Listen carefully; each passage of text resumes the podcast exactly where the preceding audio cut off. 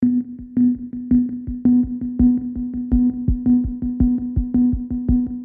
är väl ingen som erkänner ett mord eh, utan vidare utan det måste finnas något bakom sen.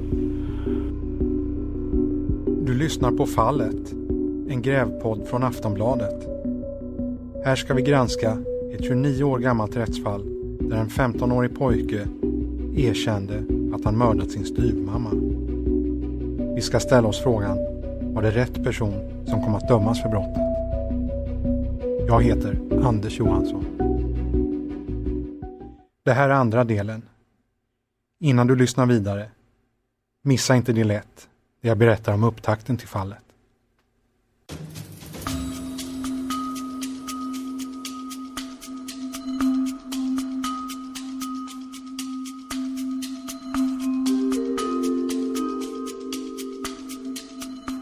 Samir dömdes som ni minns till sluten psykiatrisk vård. Men efter ett år lämnade han en helt annan version. Han sa att det istället var hans pappa som begått mordet och att han tagit på sig skulden för att pappa skulle slippa hamna i fängelse. Sen sist har jag tänkt på, mördade Samir verkligen sin styvmamma? Både polis, åklagare och domstol såg det ju som solklart. Kunde han som 15-åring ha haft något motiv till mordet? Och vad var det i så fall? Och varför verkar han närmast besatt av att få upprättelse nu, 30 år senare? Idag ska vi börja med att lyssna på utdrag från några av mina samtal med Samir. Å ena sidan framstår han som en mycket sympatisk och godhjärtad människa. Å andra sidan vet jag att han begått en mängd brott och han har själv berättat om rån och skjutningar. Jag har hans digra kriminalregister som nästan är på 30 avsnitt de senaste 20 åren och det finns saker före dess också. Samtidigt vet jag att registret inte säger hela sanningen. I själva verket rör det sig sannolikt om mycket, mycket mer. Å ena sidan har han varit tungt kriminell, å andra sidan har han för egen maskin bestämt sig för att helt lämna detta liv. Idag jobbar han med utsatta ungdomar i sin organisation Second Chance, som också fått pris för sina insatser. För att kunna förstå den idag 44-årige Samir och hans liv påverkats av den där dagen då han som 15-åring hittades sittande på ett telefonbord med sin döda styrmamma i rummet intill åker vi tillbaka till platsen för brottet. Men det är det här, man går ju in där äh, första och sen trappa ett bodde vi. Just det. Vi kanske ser om någon kommer förbi här. äh. Vi är tillbaka i Tensta, förorten väster om Stockholm och kvarteren där Samir växte upp. Det gula sexvåningshuset där han bodde med pappa, styvmamma och lillebror. Platsen där mordet skedde. Samir har inte varit här sedan morddagen. Det är 29 år sedan.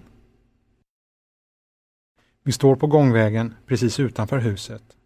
På andra sidan finns en förskola och glada barn hörs inifrån gården. Talgoxarnas vårsång påminner om att vintern håller på att ta slut. Jag ber Samir blunda, tänka tillbaka till tiden då det här var hans gata och berätta vad han ser för minnesbilder. Det är när vi står här utanför, eh, Minishoppen hette den då. Där vi ungdomar hängde och eh, det var ju, folk åkte ju motorcyklar och mopeder och, och jag var ju bara 13 år och jag kände bara, men jag vill också ha en sån där motorcykel. Och eh, Ja. det var ju ett par killar så, som var lite äldre. De var ju i 15-16 års ålder och vi var ju 13. Vi såg ju upp till de här eh, som var lite äldre. Och de var lite busiga. Så Ja. det var ju inte konstigt att vi stod också där och jag hade ju också så lite så här uh, utflykter inom oss. Och, Ja. ja. 1986 var det bara att gå rakt in i trappuppgången. Sedan dess har en extra entré kommit till. Nu krävs ett särskilt magnetkort för att öppna dörren. Efter en stund har vi tur och vi får hjälp att komma in. Samir går före och visar. Vi går upp mot lägenheten där de bodde.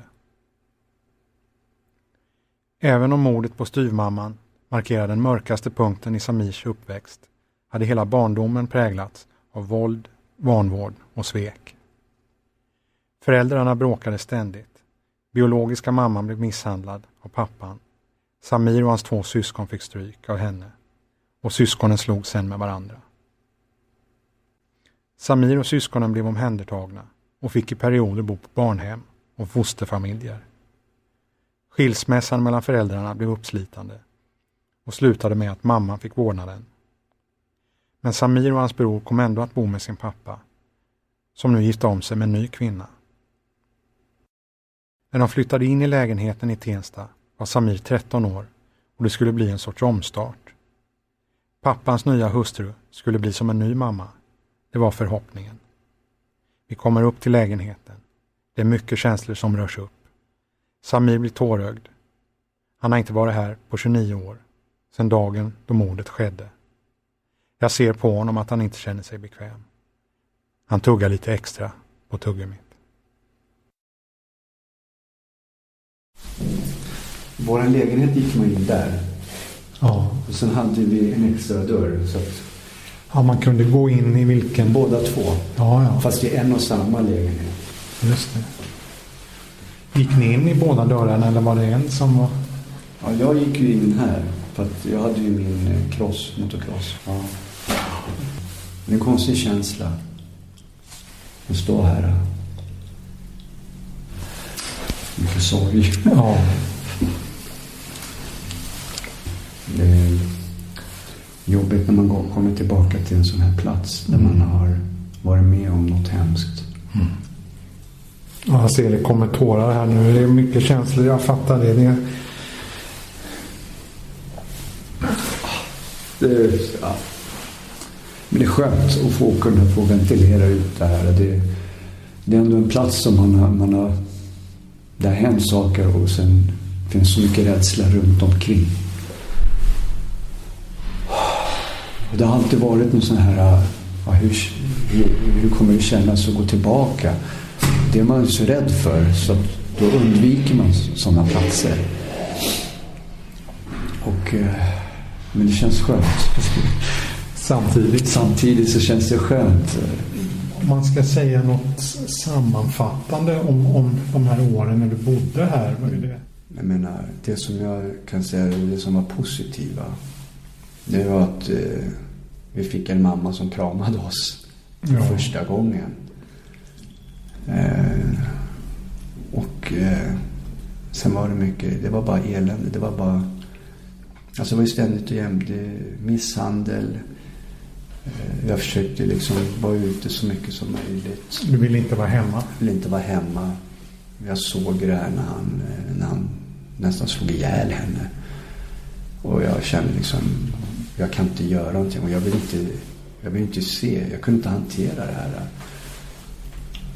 Och, och då flyr man ju från det.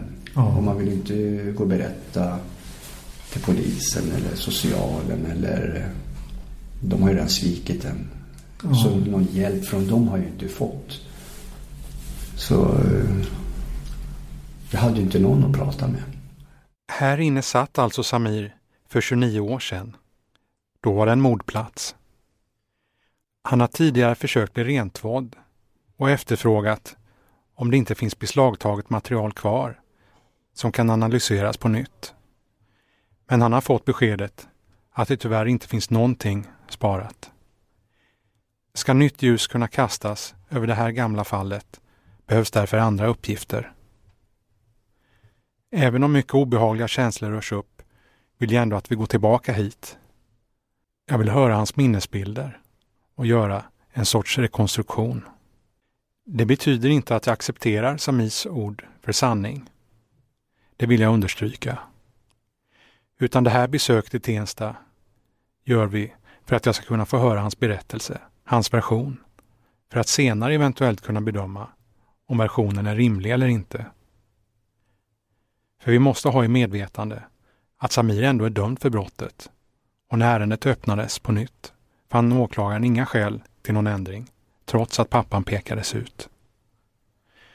Jag kan därför inte utesluta att Samir hittar på allting och anklagar pappan falskt. Den risken finns. Detta har jag alltså i bakhuvudet hela tiden när Samir berättar hur han bland annat försökte undanröja alla bevis strax innan han ringde och anmälde sig själv. Han säger att han la ner pappas blodiga pyjamas i en påse som han sen gick ut och slängde i ett grannhus där den aldrig skulle hittas. Detta var alltså på morgonen, onsdagen den 21 maj 1986. Trots tårarna ber jag Samir visa hur promenaden gick här vid Glömmingegränd i Tensta. Alltså jag stoppade in eh, hans kläder. Han hade sån här eh, dress, pyjamasdress med eh, byxor och eh, en pyjamasjacka? Pyjamasjacka, ja. ja. Pyjamas. Och det var ju så här tunn tyg, i alla fall. Myskläder, vad man kan kalla det. Ja. Och de var i en påse? Jag hade dem i en påse, ja. Och så gick jag här. Det fanns ju inte det här dörren här då. Nej. Och jag vet att jag gick här på grund av att jag vill inte synas. Jag ville inte att någon skulle se mig. Annars kunde man ju gå ut därifrån, där vi kommer ifrån. Ja. Just det, nu går vi en lång gång här så man kommer ut på andra sidan. Ja. Och om jag vill minnas här så träffade jag inte på någon här inne i alla fall. Och då gick jag längs gången och eh, jag kände en en, en känsla där att jag, jag vill inte synas, ingen får se mig. Nej.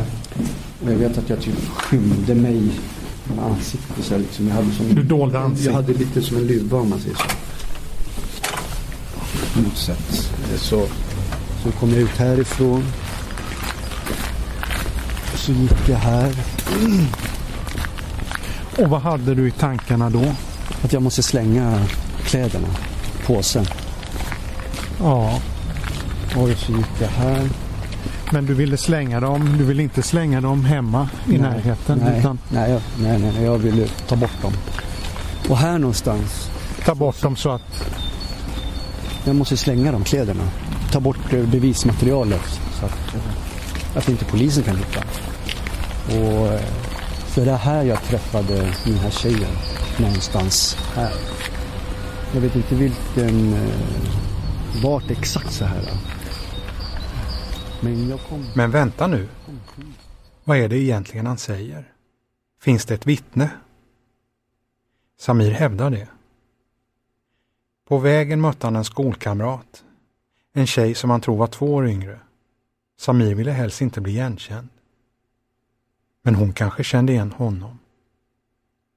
I snart 30 år har Samir funderat över flickan han mötte, säger han.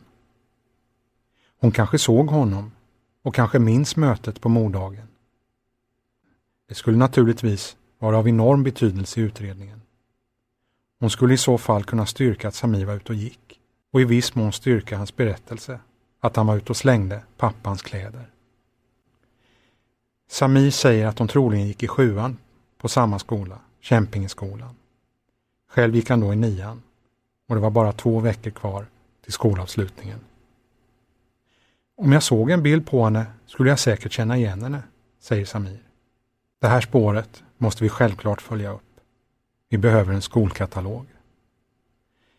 Dessvärre visar det sig att Kämpingeskolan är nedlagd sedan flera år. Det är inte bara att åka och hämta den alltså. Jag prövar med Stadsarkivet. Kanske det kan finnas bara där. Ska se, för det var en, sk en skolkatalog sa du? Ja, precis ja. Mm. Kämpingeskolan. Kämpingeskolan. Jag kan... Eh, och det var 86, sa du? Ja, precis. Ja, men det verkar som att vi har den. Ja. Det har vi. Sen... Du menar, menar att du kan se att skolkatalogen från 86... Jag kan inte se skolkatalogen, men jag kan säga att vi har den skolan, alltså betyg har vi därifrån. Så att skolkatalog borde väl finnas det också. Det visar sig att vi har tur. Det finns en skolkatalog kvar från 1986. Jag ordnar så att den kopieras. Jag ringer Samir och berättar om nyheten. Vi bestämmer att han ska komma till redaktionen så att vi kan titta på bilderna i lugn och ro. När Samir anländer jag att det lyser av förväntan i hans blick. Han är på bra humör men verkar lite spänd samtidigt. Vi går igenom klass för klass och börjar med niorna och kom direkt till hans egen klass, 9A. Samir står i mitten, i raden längst bak. Oh, jag ser min son i, i mig själv där, alltså herregud. är Ni är lika varandra. Vi är så lika varandra. Ja. Wow. Har du någon kontakt med någon av dem? Ja. Vi gjorde i, i somras eh, så gjorde eh, Roger här är ett, Roger Andersson, han och ett par personer som sa att de ville överraska mig tydligen. Okej. Okay. Och, eh, och då sa han så här, ja men de som gick då i, i, i nian, våran klass där och de som gick i Kämpingeskolan så ska vi gå och ha lite kul på kvällen, så här, spela bowling och, och sådär. Eh, och eh, så samlades vi på Kämpingeskolan och eh, träffade på nya människor och vi hade minnen ihop och, och pratade lite allt möjligt sådär. Mm. Och sen mitt i allt det där så det är för känsligt. Mm. Ja, eh, mitt i allt det så säger Roger att eh, ja, jag vill det här är en överraskning då eh, och eh, för dig Samif som inte var med oss när vi slutade nian. Ah.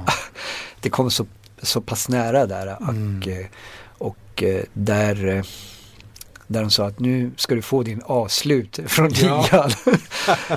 de hade väntat. Med ja visst, tydligen så hade de pratat ihop sig eh, och eh, ja, det var stort. Det var stort. Jag blev helt tagen.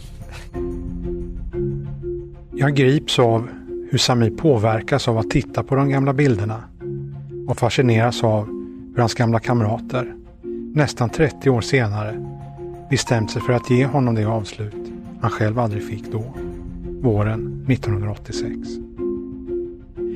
Men så var det den där flickan. Klass för klass, ansikte för ansikte. Under kanske 20 minuter sitter Samir med de kopierade fotografierna framför sig. Vid några tillfällen stannar han till, känner efter, men tyvärr kommer ingen minnesbild tillbaka. Jag ser hur Samir blir lite uppgiven och kanske lite besviken. Men vi bestämmer att han ska ta med sig bilderna och titta på dem igen hemma. Tyvärr blir resultatet detsamma. Men om du som lyssnar nu känner igen dig eller kanske vet vem vi talar om, kontakta gärna mig. Ditt vittnesmål kan vara värdefullt. När vi har skilts åt tänker jag på klass 9A. På pojken som står längst bak i mitten. Han ser glad ut och har en lite spjuveraktig blick. Han har lockigt hår som går ner i nacken. Han verkar avslappnad. Och på grund av kroppshållningen tänker jag att han inte tillhör de blygaste i klassen. Vem var han egentligen? Framträder en motsägelsefull bild. Dels har han här börjat umgås med lite äldre killar och börjat med väskryckningar och småstölder. Han åker mellan tunnelbanevagnar och skrämmer folk som bor i samma trappuppgång. Samir och hans kompisar har lärt sig att nödstoppa hissen mellan två våningsplan. Klurat ut hur hissdörren sen går att öppna. De klättrar upp på hisstaket och åker med. Ända upp, trots att de inte vet om de kommer bli mosade när hissen når takvåningen.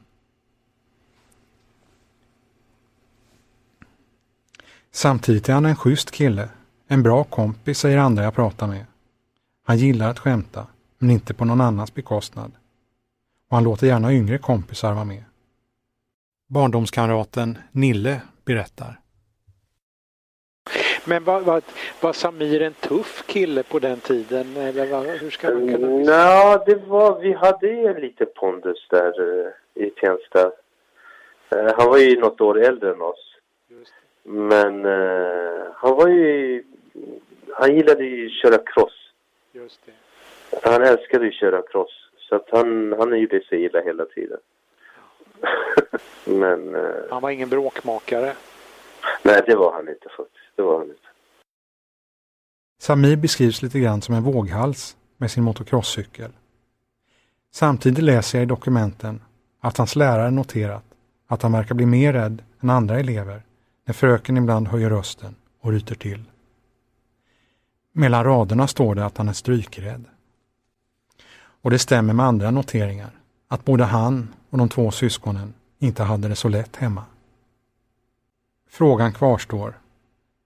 Var den där späde 15-åringen kapabel att mörda sin styvmor? Och om han gjorde det, varför då? Efter mordet sa Samir att han hört röster.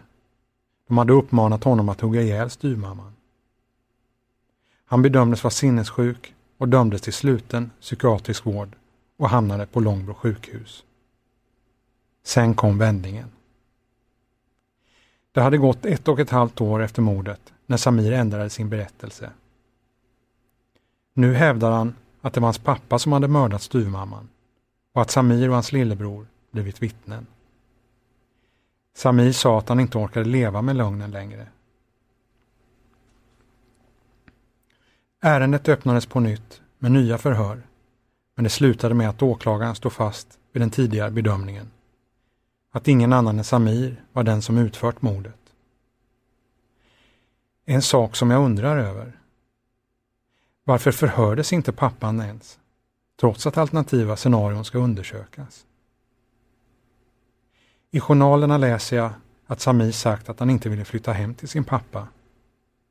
Men samtidigt kom pappan till Långbro sjukhus och begärde att Samir skulle skrivas ut så att han kunde flytta hem till honom igen. När överläkaren förklarade att det inte var så det fungerade blev pappan hotfull. Läkaren tog så illa vid sig att han polisanmälde händelsen. Och det dokumentet har jag också läst.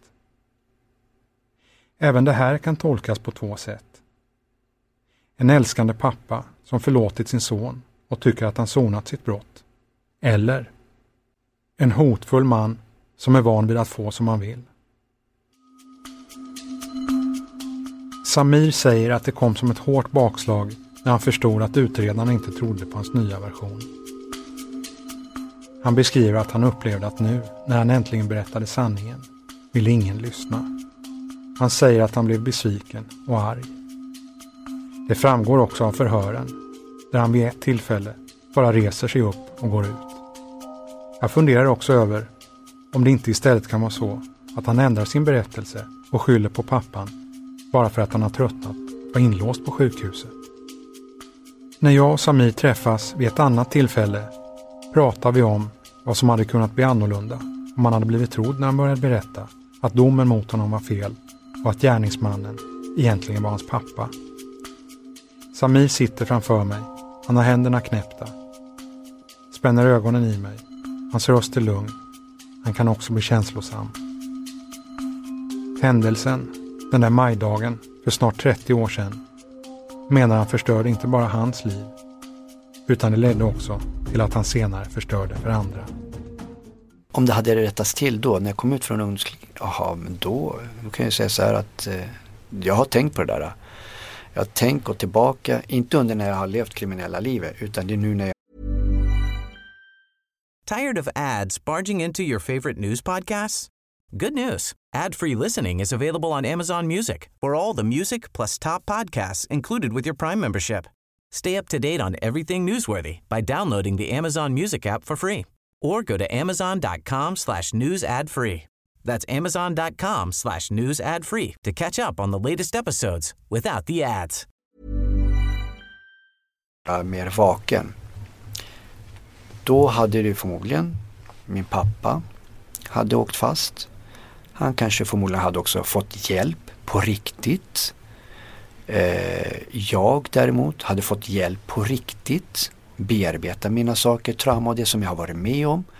Och då hade vi också förmodligen besparat allt det här äh, som har skett från den tiden tills idag då när jag åkte, åkte in. Där jag har utnyttjat tusentals ungdomar och jag har utsatt dem både för det ena och andra. Och kriminalitet, jag har ju skadat så mycket människor och äh, ja, massa hemskheter. Och det, om vi nu ska bortse känslor och, och, och sådana här saker. Om vi ska tänka på vad det har kostat samhället. Så tror inte jag det stannar under en miljard. Samir skrivs ut från Långbro hösten 1988. Överläkaren noterar kort i journalen. 88 09 08. Utskrives till hemmet. Överförd till ÖV från U3. Det innebar alltså att Samir fick lämna den slutna vården och i fortsättningen skulle han ha kontakt med öppenvården. I praktiken var det samma läkare, men nu byggde kontakten helt och hållet på frivillighet. Det hade gått två och ett halvt år sedan mordet och Samir hade nu blivit 17 år och skulle fylla 18 två månader senare. Pappan hade nu gitt om sig med en tredje hustru. Och socialnämnden hade i brist på bättre alternativ beslutat han skulle tillbaka till pappan. Samir var hemma två dagar. Sen smällde det. Eh, jag kommer ihåg att jag åkte, när jag kom ut så socialen placerade mig tillbaka till pappa. Det gjorde mig oerhört förbannad. Eh, blev sviken igen av socialen. Och jag kommer ihåg att jag var uppe hos den här socialen och eh, jag slog sönder hennes kontor. Eh, eh, och eh, jag slog inte henne, jag rörde inte henne. Och så bara gick jag därifrån. Eh, när jag kom ut därifrån så jag tror aldrig jag känt mig så ensam eh, när, jag var, när jag stod där. När man inte har någon man litar på och eh, man ser sin mamma, man ser sin pappa. De finns inte i närheten. Allt bara var borta från mig. Jag, jag stod helt ensam i ett mörker. Och då kände jag att jag vill inte leva. Då införskaffade jag mig en pistol och det var inte svårt på den tiden heller. Det, vill man skaffa någonting så gör man det. Hur gick det till? Eh, när jag fick den där pistolen det var under ett inbrott och eh, då tog inte jag pengarna vi delade upp och eh, då tog jag pistolen. Så den hade jag i mitt. Nu hände det inte det exakt när jag kom ut från socialen. Det finns var en liten tid där. Ja. Men direkt när jag, när jag blev placerad hos pappan så det brakade iväg ganska snabbt. Mm. Ilskan. Eh, jag kände bara, jag, får jag pengar så kommer det göra mig lycklig. Och ju, ju, mer pengar jag får så kommer jag ut och resa och då kommer jag bli glad. Eh, men jag märkte ganska snabbt, det måste ta till, det gjorde ont. Jag tog till mig droger. Och eh, sen tog jag pistolen och skulle skjuta mig själv. Jag kommer ihåg att jag satte den mot min tinning och sa nu orkar jag inte leva. Om, om inte, om inte liksom någon tror på mig och, och sen socialen droppar mig tillbaka till farsan. Då sa jag det funkar inte det här. Varken systemet eller någonting. Då sa jag då, då skjuter jag mig själv. Precis när jag skulle skjuta mig själv då sa jag bara till mig själv, vänta med min bror då? Vad händer med min bror? Om jag skjuter mig själv nu här då kommer min bror också döda sig själv. Så då blev jag förbannad och så sköt jag upp i luften. Och det var då polisen tog mig dagen efter och eh, så åkte jag in igen. Samir åkte alltså omkring med en kompis i bil och sköt ut genom ena rutan. Han sköt mot ett nattstängt gatukök i Tensta. Han sköt mot Folktandvårdens lokaler. Han sköt genom ett fönster i en lägenhet där folk låg och sov. Det ser ut som en handling utförd i desperation. Ville Samir åka fast igen?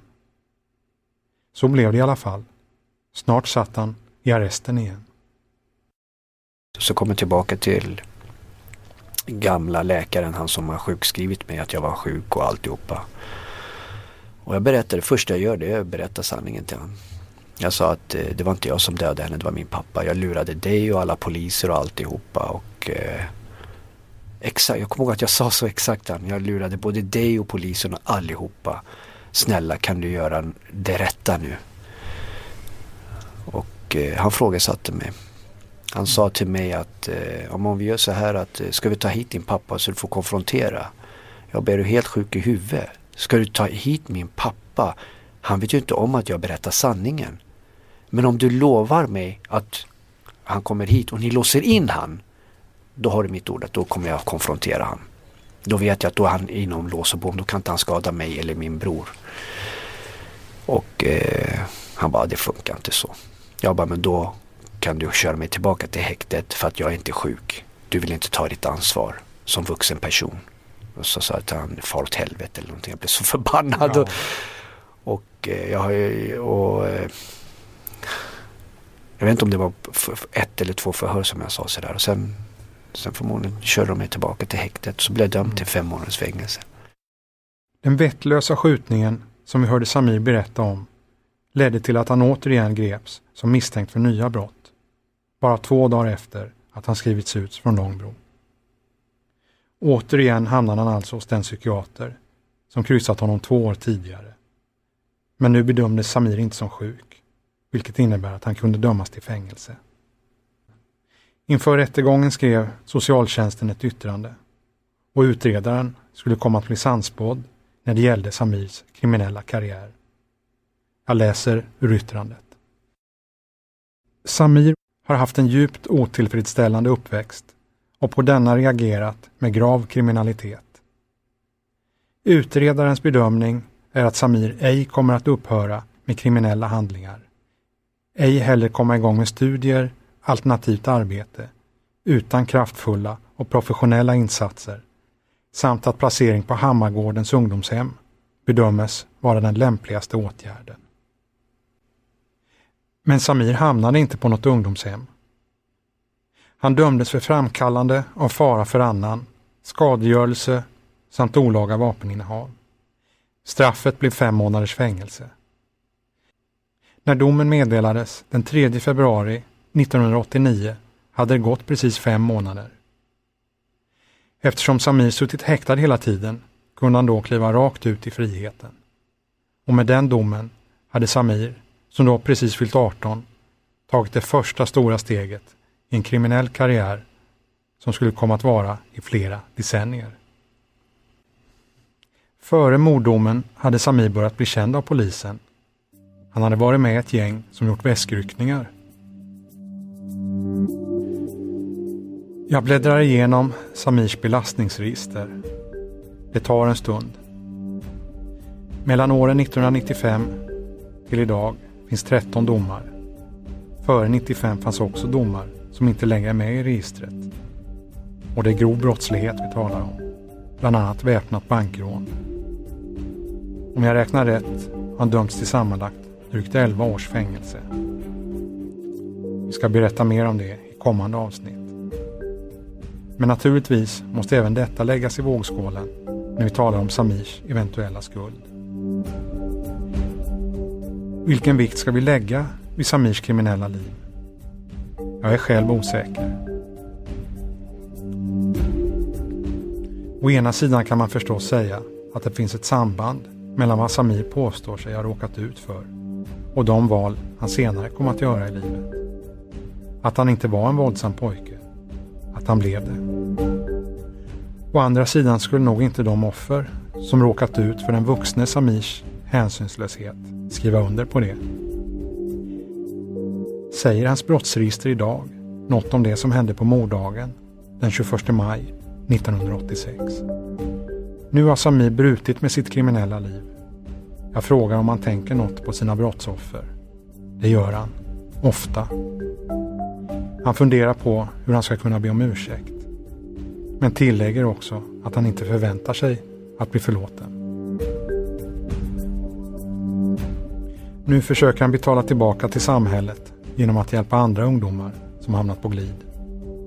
Han lever ett bra liv med fru och barn. Han har ett bra jobb. Ett liv. Så mycket positivt har hänt att jag ändå måste fråga varför ta upp det här gamla nu? Det som hände för snart 30 år sedan. Han säger att även om det gått många år så ligger det kvar och gnager. Det gamla måste upp till ytan och bearbetas för att han själv ska kunna gå vidare i livet. Det, det är nyckeln. Det är nyckeln. Den händelsen för 30 år sedan, det är en nyckel. Jag tror det finns liksom flera nycklar på vägen.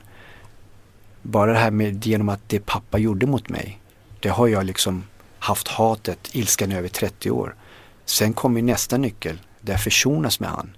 Det är också en oerhört viktig nyckel. Där många inte vågar komma till försoning med den personen som har svikit en. Mm. Och där, inför han när han dog för tre år sedan, eller för fem år sedan. Jag träffar Samir allt oftare. Ibland ringer han på kvällarna. Hans humör varierar. Ibland är han ledsen, ibland uppgiven. Aldrig säger han någonting i stil med Du måste tro mig. Jag vet inte hur jag ska tolka det. Jag säger inte att du ska lita på mig. Utan du får ta del av all material. Sen får du bilda din egen uppfattning. Jag kanske ljuger för det. Det kanske är jag som är mördaren. Samir understryker att jag måste bilda mig en egen uppfattning. Det är naturligtvis lätt att tänka att en person som lämnar över samtliga avgörande myndighetsdokument som finns över ens liv inte har något att dölja. Så kan det vara. Men samtidigt, han är dömd för mordet och när förundersökningen togs upp på nytt ledde det inte vidare.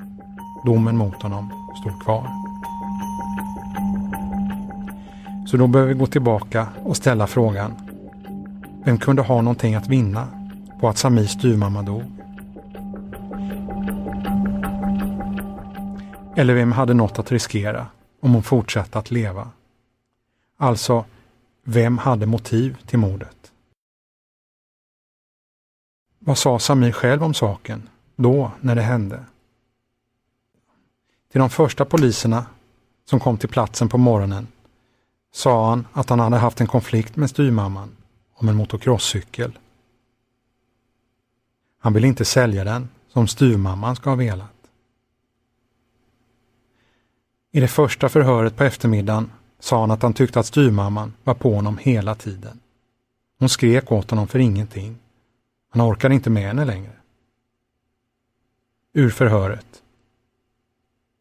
Osams. Varje dag vi osams. Fast jag inte gör någonting. Hon skriker hon utan att jag gör någonting. Jag kan inte gå någonstans. Det är hela tiden. Det är bara mig hon gör så där emot. I det andra förhöret, dagen efter, nämnde han exempel på hur det kunde vara. När han satt och tittade på TV kunde hon bli arg och bara stänga av TVn. Han brukade då gå tyst till sitt rum utan att protestera. En plan började ta form. Hon skulle dö. Han skaffade en särskild kniv han skulle använda. När fallet togs upp på nytt lade polisutredarna särskild vikt vid hur genomtänkt det tycktes vara. Att han också i valet av kniv tycktes agera rationellt. Jag vill inte använda en kökskniv för de har så tunt blad att det kanske böjer sig när man trycker till, sa Samir. Utredarna tyckte också att han gett en väl detaljerad beskrivning av hur det kändes att hugga med kniven. De tycks inte ha trott att någon kunde hitta på en sån sak. När jag läser detta nu i efterhand väcks flera frågor. Det här med motocrosscykeln säger han bara en gång till första patrullen på plats. I de två förhören inne på polishuset nämns crosscykeln inte överhuvudtaget. I de förhören säger han bara allmänt att styrmamman skrek och var arg på honom. För ingenting. Förhören är nästan helt befriade från detaljer om deras språk. Att mörda någon för att de brukade stänga av tvn som ett motiv, det låter tunt. Det gör det. Å andra sidan har folk dödats för mindre. Verkligheten är inte alltid rationell och proportionerlig. Det lär man sig om inte annat i det här yrket. Och Samir, gärningsmannen, bedömdes ju faktiskt vara sinnessjuk och dömdes till sluten psykiatrisk vård. Det är ett faktum. Pappan då, som blev utpekad av Samir ett och ett halvt år efter mordet. Kan han ha haft motiv? Han och Samirs biologiska mamma hade genomgått en skilsmässa. Den hade bland annat lett till att pappan, som var aktiv inom syrisk-ortodoxa kyrkan, inte längre fick biträda vid altaret. Som medlem i församlingen är en skilsmässa inte enbart en privatsak. Det blir även en sak för kyrkan. Det behövs tillstånd från kyrkan för att få skilsmässa och för att få det krävs starka skäl. Pappan berättade i sitt förhör efter mordet att han hade fått dispens två, tre år tidigare. Att han fick vara med i kyrkofullmäktige trots skilsmässan. Men han fick inte vara med vid altaret. Han sa att kyrkan försökt skriva till motsvarande påven i Damaskus för att få en ändring, men det blev avslag.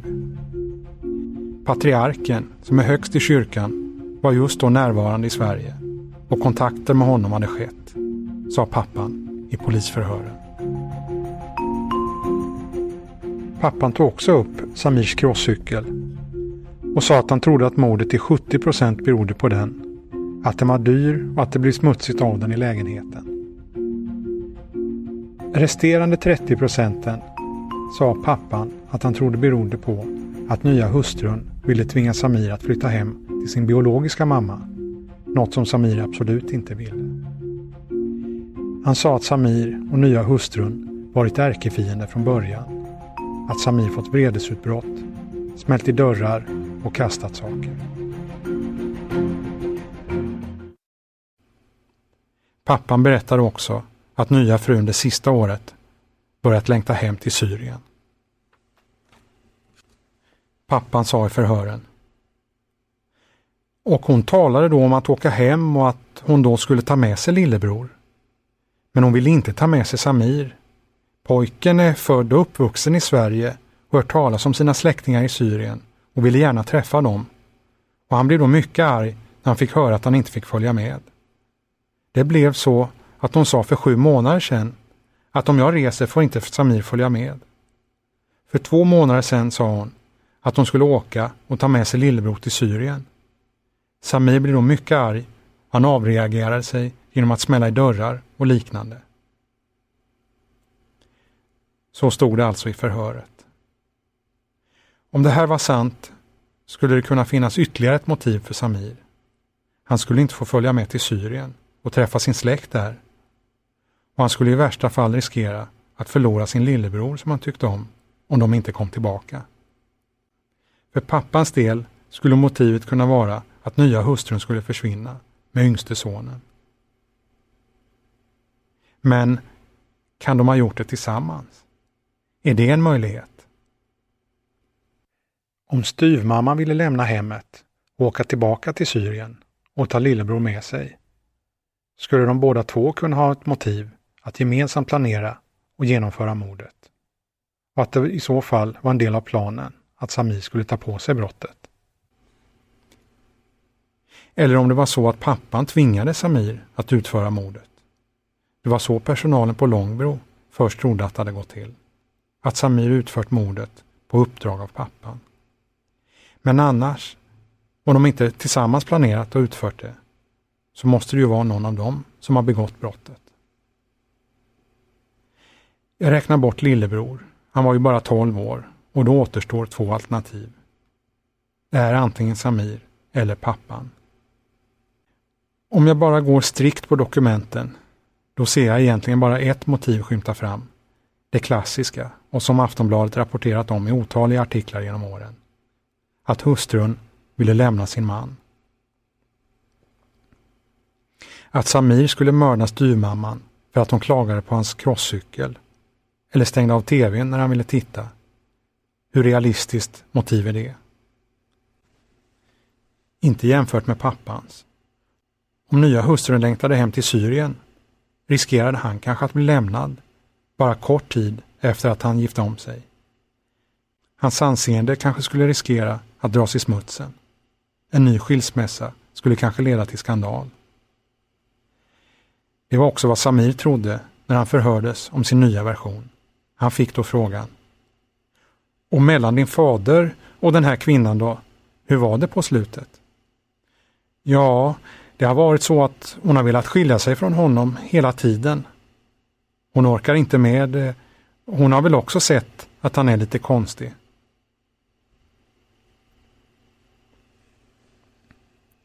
Pappan finns inte kvar i livet, så honom kan vi inte fråga. Men till Samir finns några frågor jag behöver ställa. Vad hade han egentligen för relation till sin styrmamma? Hur var det med den här motocrosscykeln som han bara nämnde vid ett enda tillfälle? När första patrullen kom till lägenheten? Och hur var det? Visste han att syrmamman längtade tillbaka till Syrien och ville resa tillbaka dit med hans lillebror? Det var ju det pappan sagt i sitt förhör. Vi hör Samir. Det här är första gången jag hör, alltså hon var ju gud, alltså hon var ju så snäll. Hon rörde inte ens en fluga. Hon var ju underbar. Alltså det, min mamma kan ju säga att hon var ju, jämfört med styrmamman, alltså det var inte din natt och dag. Mamma misshandlade oss. Jag hatade ju mamma. Och helt plötsligt så kommer en mamma som inte ens slog oss. Jag satt ju och väntade på att hon skulle slå oss. Men fars, farsan slog styrmamman och styrmamman skulle slå oss, trodde jag. För det, så skedde det i vårt tidigare hem med min riktiga mamma. Hur, hur var det tror du? Visste du att hon längtade tillbaka till Syrien? Nej, det visste jag inte. Och ville åka tillbaka med din lillebror? Nej, jag har ingen minne av det där. Tror du att det stämmer? Jag, jag, när du säger sådär, då tror jag jag tror att hon ville åka tillbaka för att eh, så mycket som min pappa misshandlade henne. Men domen mot Samir ligger fast. Tingsrätten ansåg att hans erkännande hade stöd av den framlagda bevisningen. Bevisning som nu inte längre existerar. Tidigare när Samir undersökt möjligheterna att få till en ny prövning har han alltså fått beskedet att inget tekniskt material som togs i beslag finns sparat. Men så händer det. Ett telefonsamtal. Ja men hej Sonny, jag skulle precis ringa dig. Ja. Jag hade ett, eh, ett annat samtal här så jag kunde inte. Jag såg att du hade sökt. Ja, ja. Eh, jo, jag pratade med dem på roten. Eh, spårmaterialet finns kvar. Det finns arkiverat där. Lägg av! Oj. Ja, ja det, det, gör det. Och eh, de vill inte säga riktigt vad de menar. Vad är det för material? Och vad kan det säga oss om mordet nu, snart 30 år senare? Nästa vecka i Fallet.